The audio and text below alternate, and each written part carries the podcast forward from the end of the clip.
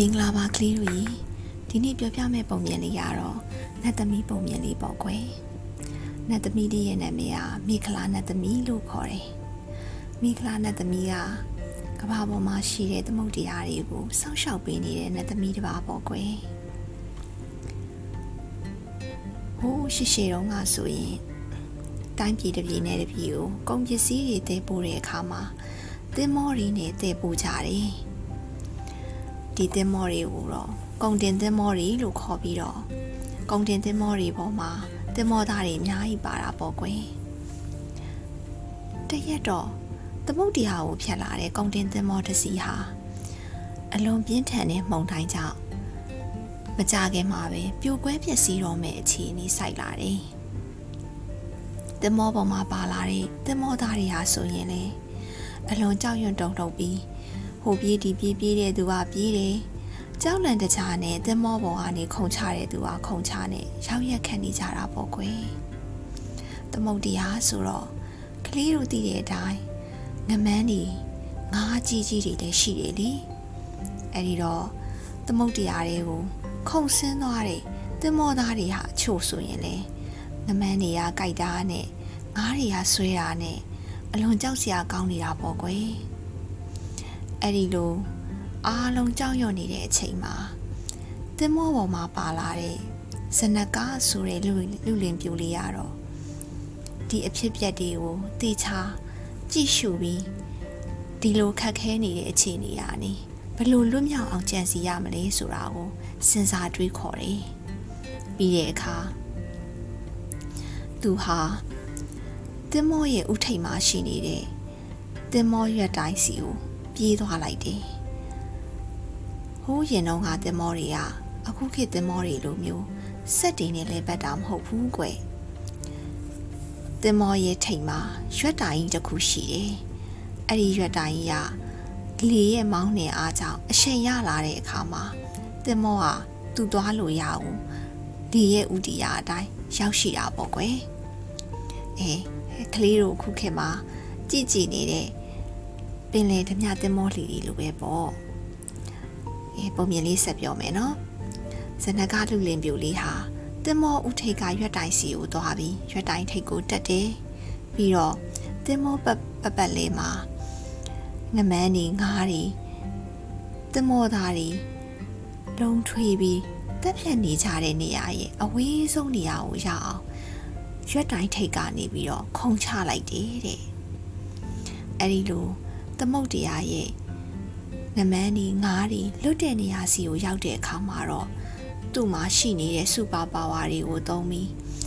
မနာမနေစူးစမ်းပြီးတော့သမုတ်တရားတွေမှာကုခတ်တော်တာပေါ့ကွယ်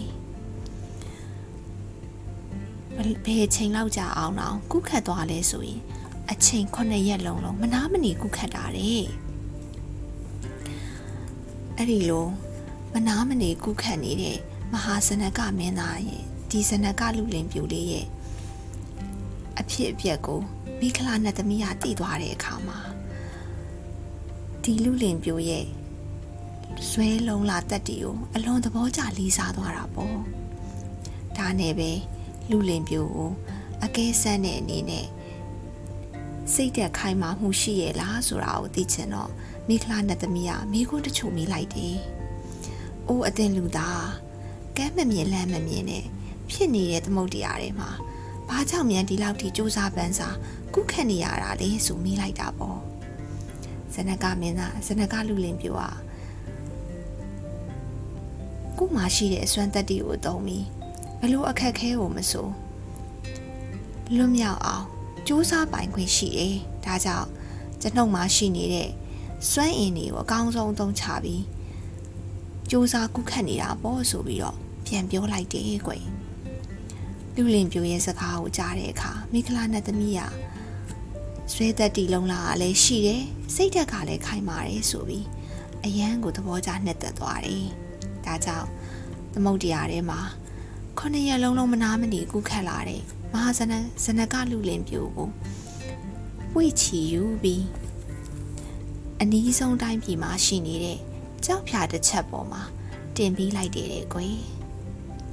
ကံကောင်းချင်တော့အဲ့ဒီတိုင်းပြည်မှာရှိတဲ့မင်းသမီးလေးရဲ့ကျင်ရတော့ဟာနောက်ထပ်9ရက်အတွင်းမှာဇနကမင်းသားရှိနေတဲ့ကြောက်ဖြာပေါ်မှာရောက်ရှိလိမ့်မယ်ဆိုပြီးပျောဟိတ်တီဘေးရင်စရာတွေကဟောထားတာဖြစ်နေတယ်။ဒါကြောင့်ဇနကမင်းသားပြန်ပြီးတတိယလာတဲ့အခါမှာတော့ဇနကမင်းသားဟာ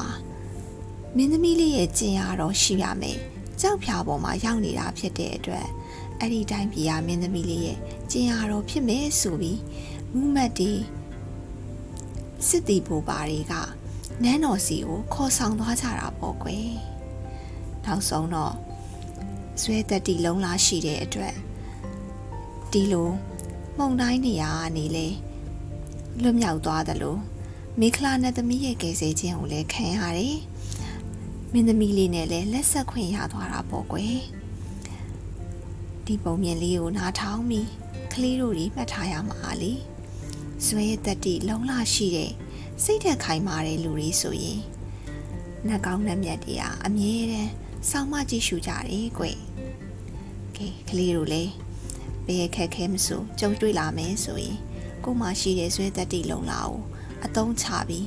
ကောင်းဆုံးကြော်လွှားနိုင်တဲ့လူတော်လူကောင်းလေးတွေဖြစ်ကြပါစေကွယ်။မိခလာနဲ့သမီးလိုနှက်ကောင်းနှက်မြတ်အိမ်ချဲလေးတွေနဲ့လည်းစောင့်ရှောက်ဖေးမှကူညီမှုရကြပါစေလို့ဆုတောင်းပေးလိုက်ပါတယ်ကွယ်။ตายရတဲ့နေလေးဖြစ်ပါစေကလေးတို့ရေ။